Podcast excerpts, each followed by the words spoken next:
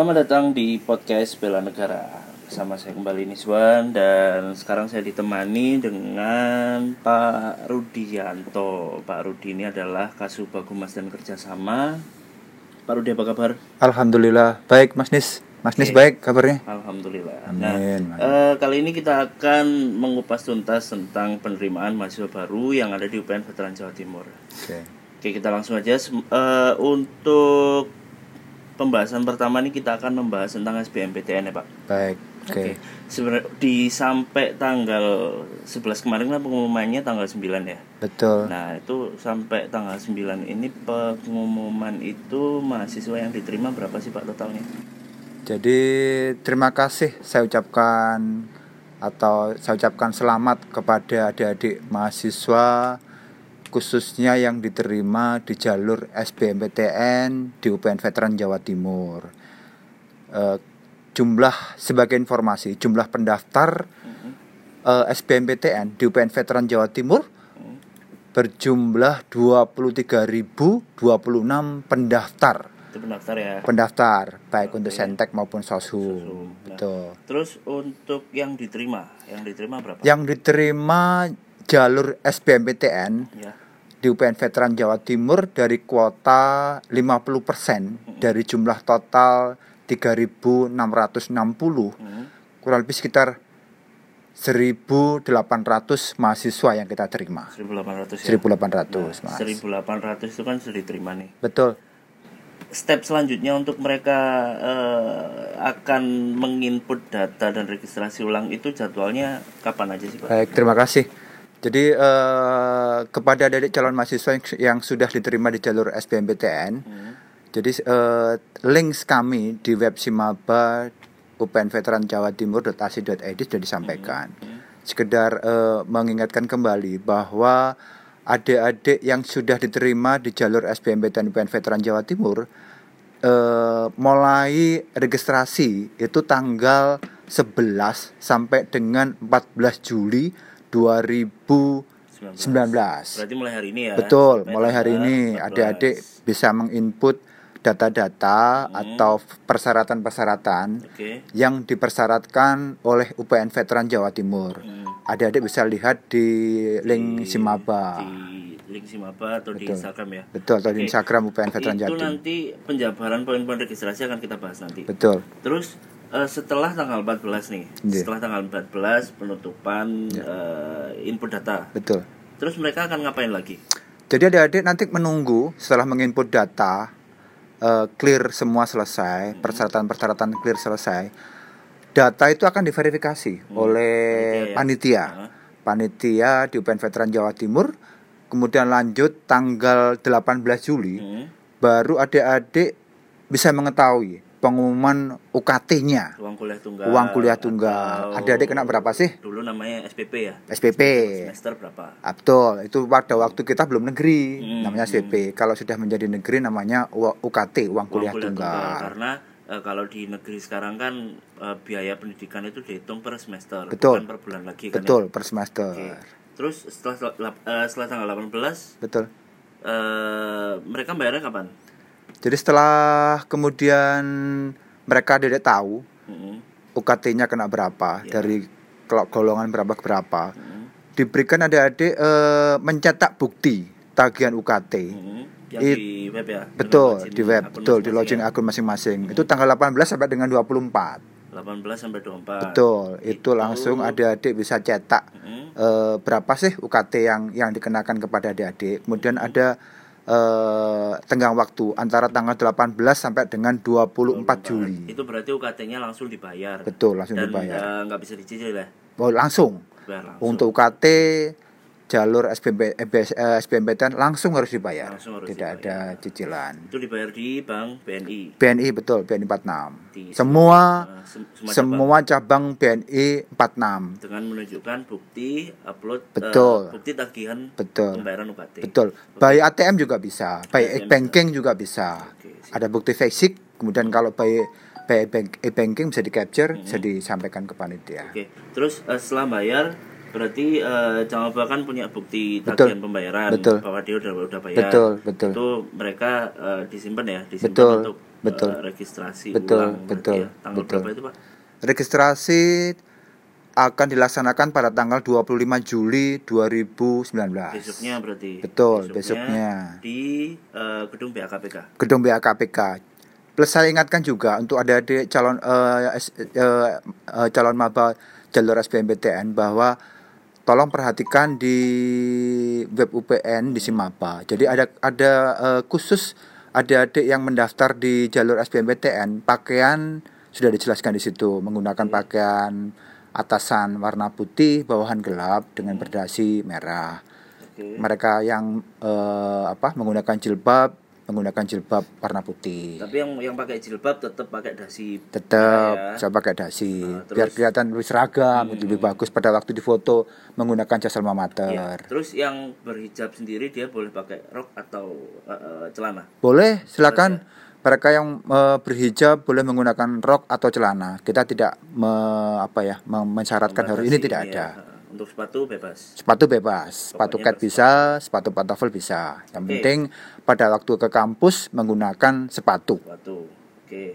Eh, selanjutnya kan itu udah jadwal verifikasi sudah. Betul. UKT juga udah keluar Betul. dan nantinya eh, teman-teman eh, yang diterima di SBMPTN ini sudah verifikasi. Iya. Akhirnya mendapat nomor pokok mahasiswa. NPM namanya nomor pokok mahasiswa Nah, terus eh, untuk jadwal apa namanya ospek kan berarti mereka harus nunggu lagi ya betul di di bulan Agustus. betul insya Allah di bulan Agustus Oke, seperti itu ya teman-teman. Eh, selanjutnya kita akan ngobrol sama Pak Rudi ini mengenai penjelasan dan penjabaran poin-poin registrasi kan.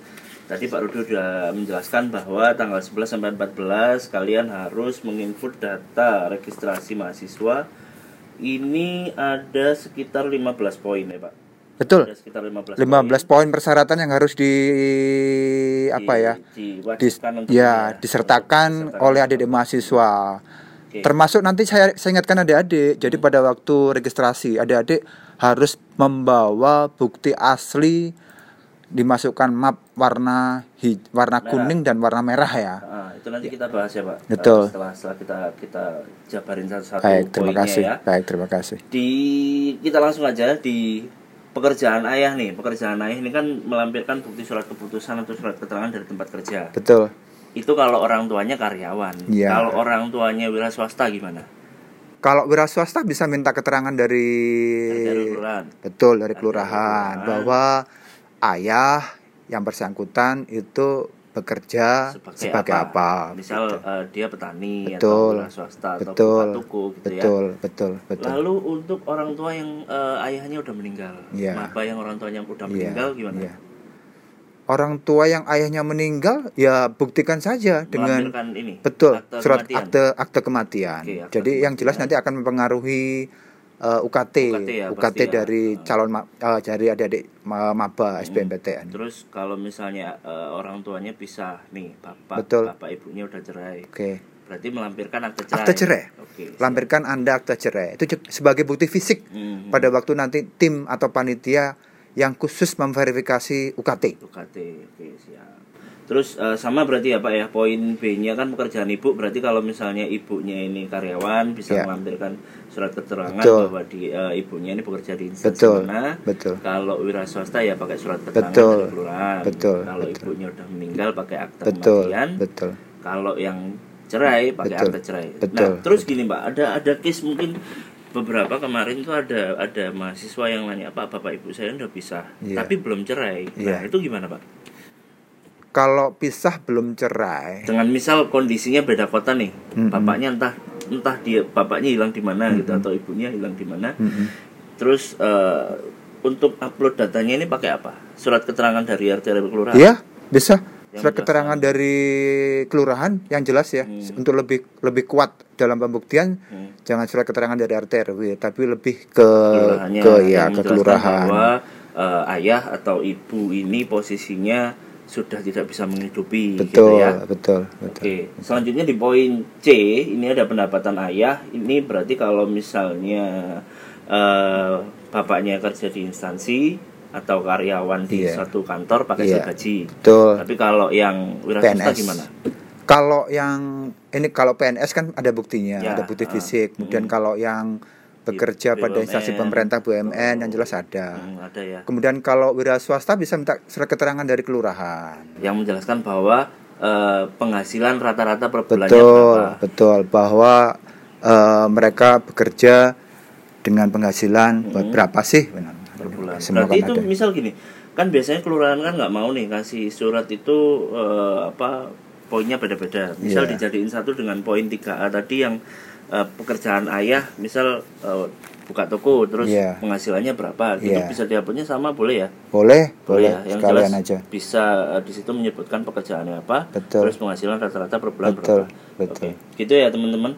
Terus eh, di poin D sama pen- pendapatan ibu eh, cara uploadnya sama sih. Kalau misalnya ibunya itu di kerja di instansi atau karyawan kantor pakai gaji, kalau wirausaha pakai surat keterangan dari Kelurahan. RT kelurahan. Nah, Iya. kalau orang tuanya meninggal bisa pakai akte kematian tadi. Betul, Oke. betul. Terus A- sama Adik-adik langsung upload akte kematian. Akte, akte, akte kematian di eh, kolom pendapatan ayah atau pendapatan ibu. Iya. Kalau misalnya cerai pun sama ya. Betul, sama. Atau pisah tanpa tanpa status sama ya. Sama.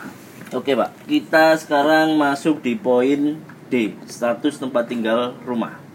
Nah ini kan kalau misalnya dia punya, dia tinggal upload nih ada sertifikat, Betul. ada RGB, ada Betul. ada surat Petok D. eh, petok D, atau Iya, jual beli. iya, nah kalau iya. misal statusnya numpang, atau misal ngekos atau tinggal di rumah nenek, Jadi gini, bukti fisik itu kan adik-adik kan harus ngupload termasuk kakak, hmm, kartu keluarga, Kartu keluarga. Hmm. kartu keluarga.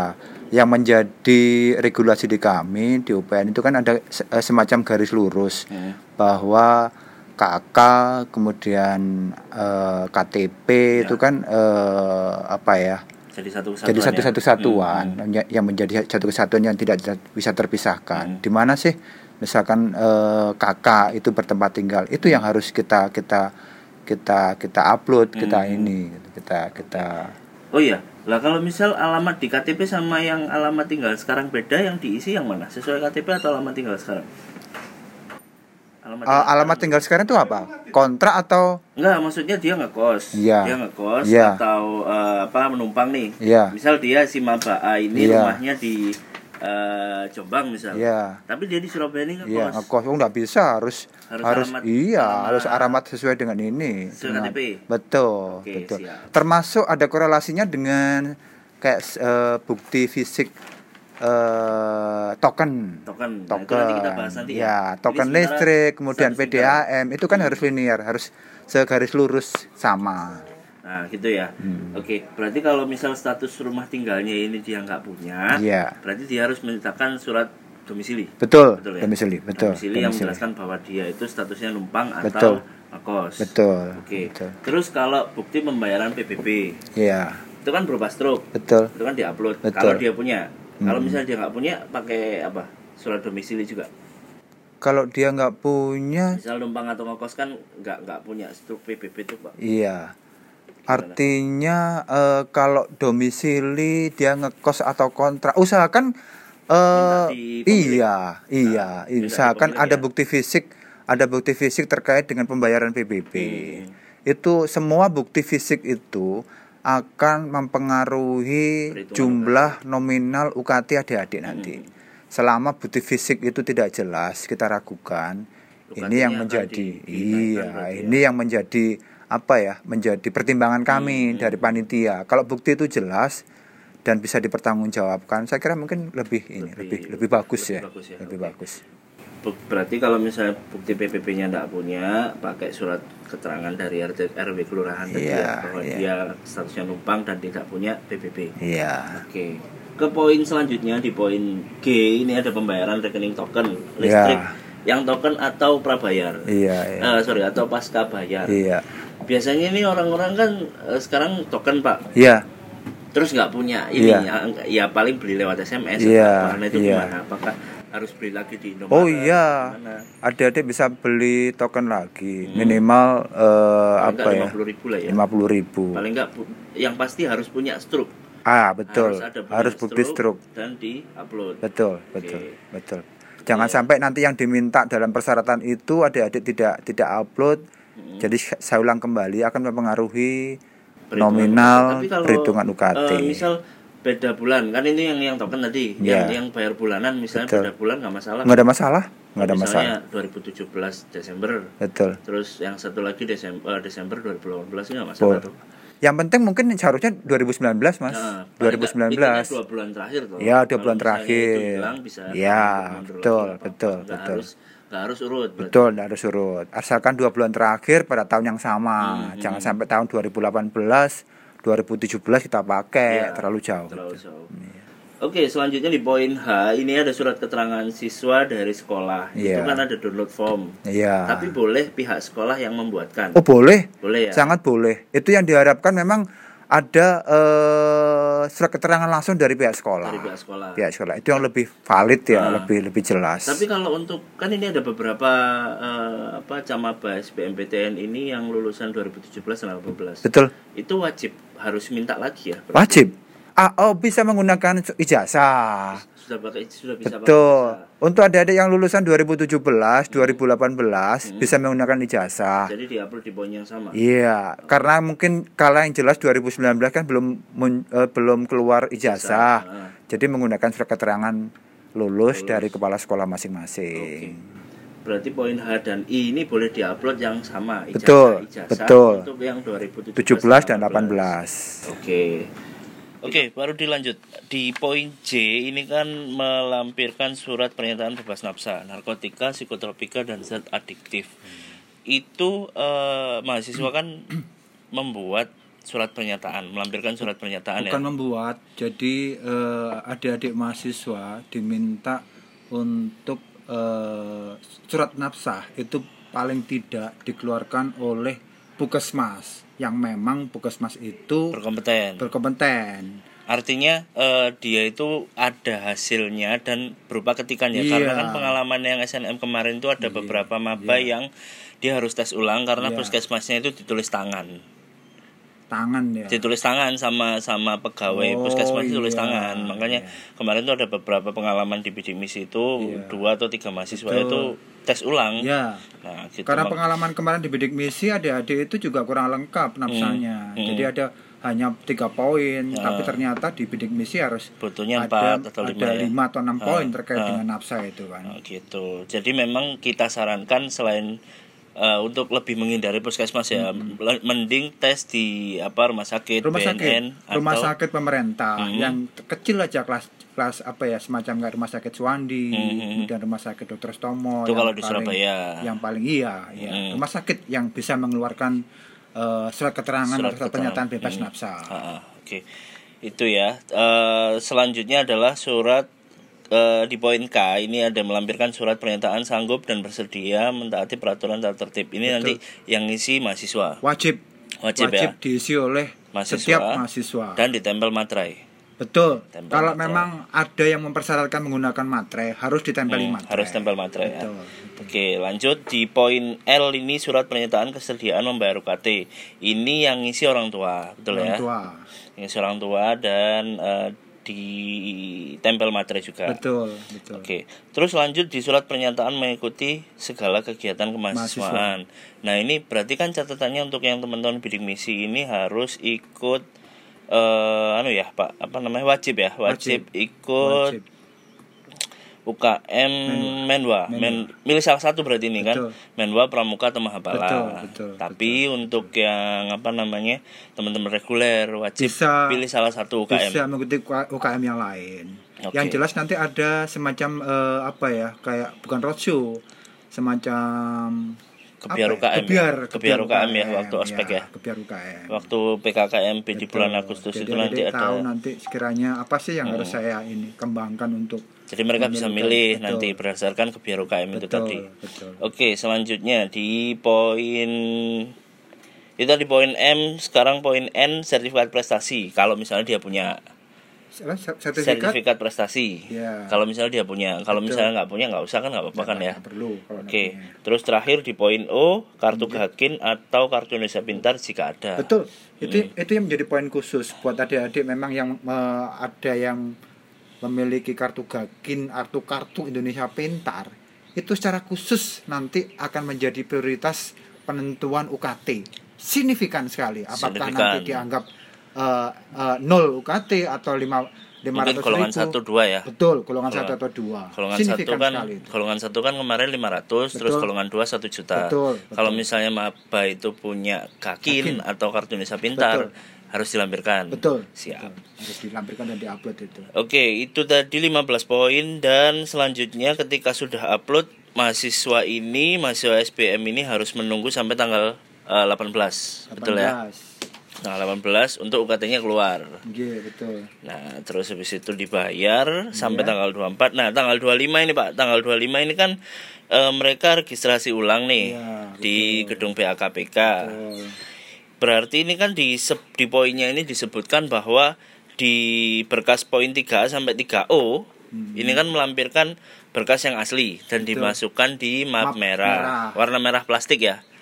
Bebas ya. Map, map asalkan warna mapnya merah. Ha-ha. Kalau plastik saya kira lebih aman. Heeh, Ya, kalau saya kalau kertas kan nanti takut basah atau apa kan Iya, ya. Betul. Itu dan dan itu nanti berkasnya diverifikasi aja dan dibawa pulang. Betul. Terus Yang ditinggal yang yang fotokopian. yang ko- yang kuning berarti ya. Yang kuning, Nah, yang poin fotokopi yang kuning. 3H da- sampai 3M ini asli dan dimasukkan map kuning Iya. dan itu nanti dikumpulkan. Betul. Oke, berarti eh, si maba ini nanti bawa berkas 3H dan 3M ini double. Double. Di, salah sat- satunya dimasukkan di kuning, kuning, satunya dimasukkan yang- di Yang merah. kuning yang fotokopian, yang merah yang asli. Oh gitu. Ya. Berarti yang asli dibawa maba berarti Bawa ya. pulang kembali. Oke, siap. Artinya map kuning, map merah itu yang asli Mm-mm. akan diverifikasi oleh panitia. Mm-mm. Betul nggak data atau berkas yang diupload oleh adik-adik mahasiswa?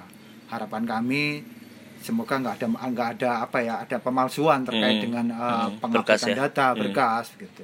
Oke, Eh, itu tadi untuk verifikasi ya. Terus dress code-nya atau bajunya kita ulangin lagi ya Pak ya. Iya.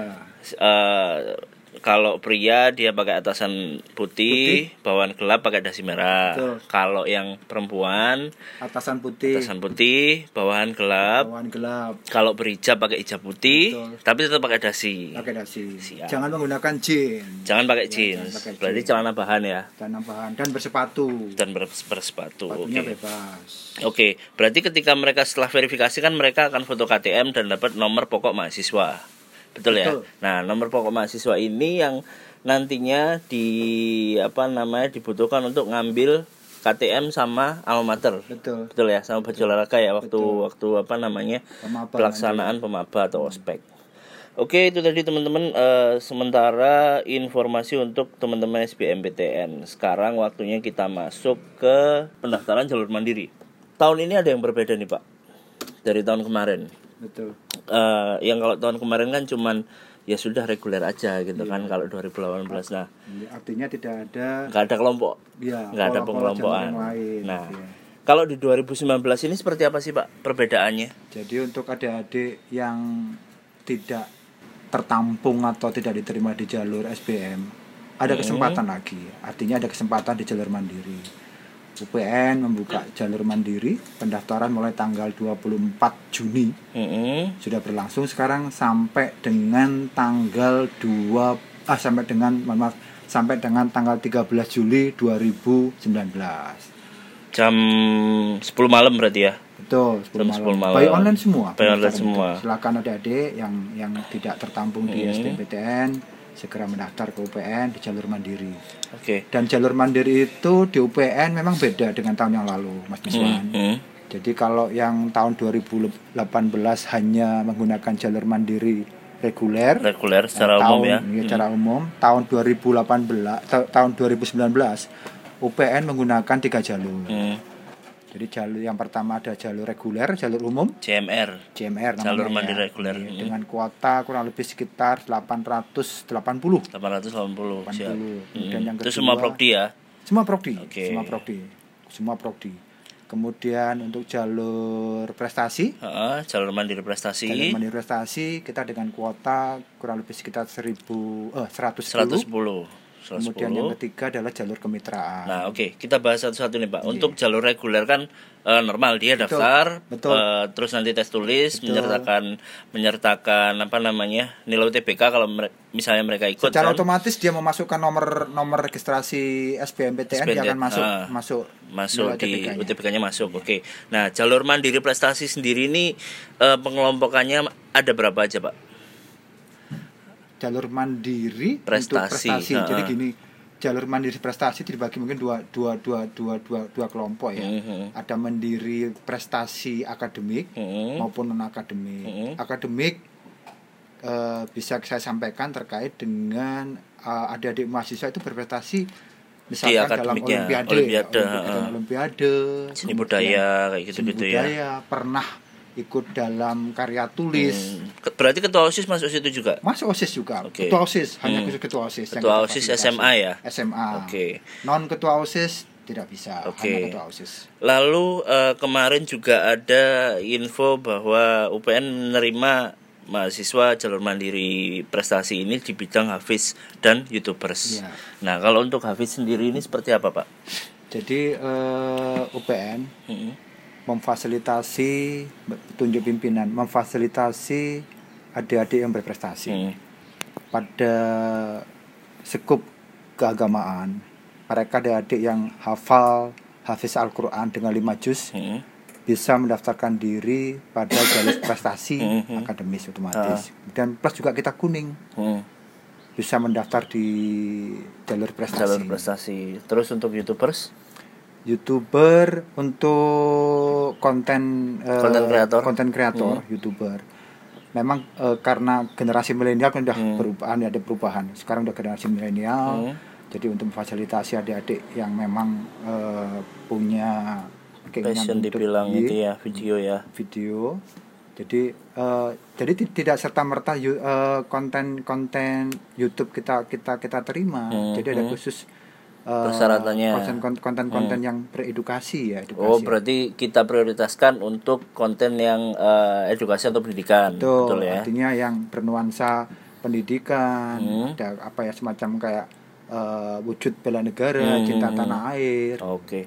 itu Dan- dengan anu ya dengan mas uh, mas Nis dengan uh, subscribe uh, 20.000, ribu ah. dua puluh ribu dengan viewer 100 100 ribu di 100.000 dua di dua di dua video. video, di dua Oke. video. Nah, tapi eh, yang prestasi ini juga wajib ikut tes berarti ya. oh sama jadi untuk jalur mandiri Mm-mm. semua adik-adik mengikuti ujian tulis Ujian tulis. ujian tulis nilai UTBK Hmm. juga terinput Hmm. plus mereka yang punya prestasi menjadi kelebihan tersendiri Hmm, Nah, terus untuk eh, jalur mandiri kemitraan. Iya. Nah, itu seperti apa, Pak? Jalur mandiri kemitraan itu bisa saya sampaikan bahwa mereka dikhususkan Hmm. untuk keluarga besar TNI Polri Hmm. plus eh, alumni Hmm. alumni UPN Hmm. dan khusus eh, anak dari anggota UPN veteran sendiri Eh, baik dosen atau tenaga pendidik. betul Hmm. TNI pun juga tidak bukan tidak menutup artinya mereka yang sipil bisa Hmm. mendaftar si baik baik sipil maupun organik Hmm. bisa mendaftar Jadi Hmm. misal ada pegawai BUMN, ya misal eh, dia pegawai Bank BRI kan BUMN toh. ya Nah, itu berarti bisa daftar. Sela- eh, institusi yang bekerja sama dengan UPN Hmm. itu juga bisa mendaftarkan di jalur kemitraan Oke. artinya dengan model kerjasama Hmm, kemitraan hmm. kerjasama namanya Kemitraan kerjasama. Oke. Kerjasama. Nah, itu tadi eh, tiga tiga pola seleksi ya, tiga pola Betul. seleksi ada jalur mandiri reguler, jalur mandiri prestasi, dan jalur mandiri kemitraan dan kerjasama dan kerjasama. Dan kerjasama. Oke. Pendaftarannya berapa, Pak? pendaftaran, Uang pendaftaran. formulir 350.000 ribu Dengan pilihan dua prodi. dua prodi Oke. Tapi bedanya dengan dengan SBMPTN dan SNMPTN ini kan ada yang namanya SPI SPI betul atau apa ya uang gedung ya Betul, atau uang betul, pangkal. Nah itu berapa berapa aja pak? jadi eh, untuk ada diketahui bahwa SPI itu kan hanya sebutan saja Mm. misalkan di UNER menggunakan eh, UKA uang kuliah Mm, awal mm. SPI di UPN Veteran Jawa Timur menggunakan kalimat SPI Mm. sumbangan pengembangan, Pengembangan institusi. institusi. itu dibayar oleh adik-adik eh, pada waktu pada waktu daftar ulang pada waktu Setelah berarti setelah pengumuman. diterima, setelah pengumuman Setelah pengumuman, dan, oke. dan wajib dibayar pada Hmm. waktu ada membayar pada waktu ada adik eh, pendaftaran awal. Pendaftaran awal. Berarti memang tidak bisa dicicil ya. betul tidak bisa. Artinya pastikan sesuai dengan kemampuan adik-adik Hmm. atau orang tua Hmm. berapa sih yang harus Ya. yang harus di di apa ya diisi Hmm, karena kan Ada- ini di sini ada- pilihannya macam-macam nih, Pak, betul ya kan? betul Hmm. ada 0 15 kemudian 30 Hmm. 45 kelipatan 50 kelipatan, Kelipatan 15, 15 kelipatan 15 sampai 90 juta. betul sampai dengan 90 Nah, juta kemarin tuh banyak pertanyaan Iya. di Instagram bahwa eh, SPI 0 ini sebenarnya buat siapa sih, Pak? Ini sebetulnya kan regulasi dari Kementerian Ristek Mhm. Dikti SPI 0 ini jadi memang kalau adik-adik dalam kategori tidak mampu Case khusus berarti ya. betul sangat Hmm. tidak mampu Hmm. dan bisa dibuktikan dengan upload yang ada Hmm, hmm. panitia secara aturan Hmm. bisa me- Menyetujui. menyetujui dengan SPI 0. Nol. Contoh contoh mungkin kayak dia itu eh, apa namanya? Salah satu atau memang dia sudah yatim piatu Ya betul. dengan eh, standar bahwa nilai nilai tes tulisnya ini lebih ti- paling tinggi ya, lebih Iya, tinggi ya. betul. Seperti itu. Oke. Eh, terus selanjutnya adalah UKT. Berarti dua-dua ketika ketika apa namanya pengumuman hasil seleksi Betul. mahasiswa mandiri ini akan bayar SPI sama UKT. Ada dua komponen ya yang harus dibayar Hmm, oleh hmm. mahasiswa Iya. pada jalur mandiri. Satu KT, uang kuliah tunggal, Hmm. Kemudian yang kedua SPI. Kemudian kedua Itu harus dibayar dengan tempo yang sama. dengan tempo yang sama. Jadi eh, bayarnya bareng ya. Bareng. Oke, terima kasih Pak Rudi. Eh, penjelasannya sangat detail ya untuk penerimaan jalur mandiri dan SBMPTN ini. Pak Rudi mungkin ada pesan nggak buat teman-teman SBM sama mandiri? Jadi khusus kepada teman-teman yang ini khusus kepada teman-teman ini ya yang mendaftar jalur mandiri. Jadi jangan berkecil hati, tetap fokus, belajar, berdoa. Mm. Mereka yang muslim sholat lima waktu, yang non muslim Berdoa sesuai agama masing-masing. sesuai dengan agama. Yang penting belajar dan belajar, fokus belajar sehingga nanti di jalur mandiri adik-adik bisa masuk dan diterima sesuai dengan keinginan pada prodinya masing-masing. Oke. Iya. Oke, itu dulu teman-teman. Terima kasih Pak Rudi sudah menemani saya ngobrol-ngobrol tentang eh, penerimaan mahasiswa baru. Sampai ketemu lagi di tema-tema yang lebih menarik lainnya. Salam bela negara.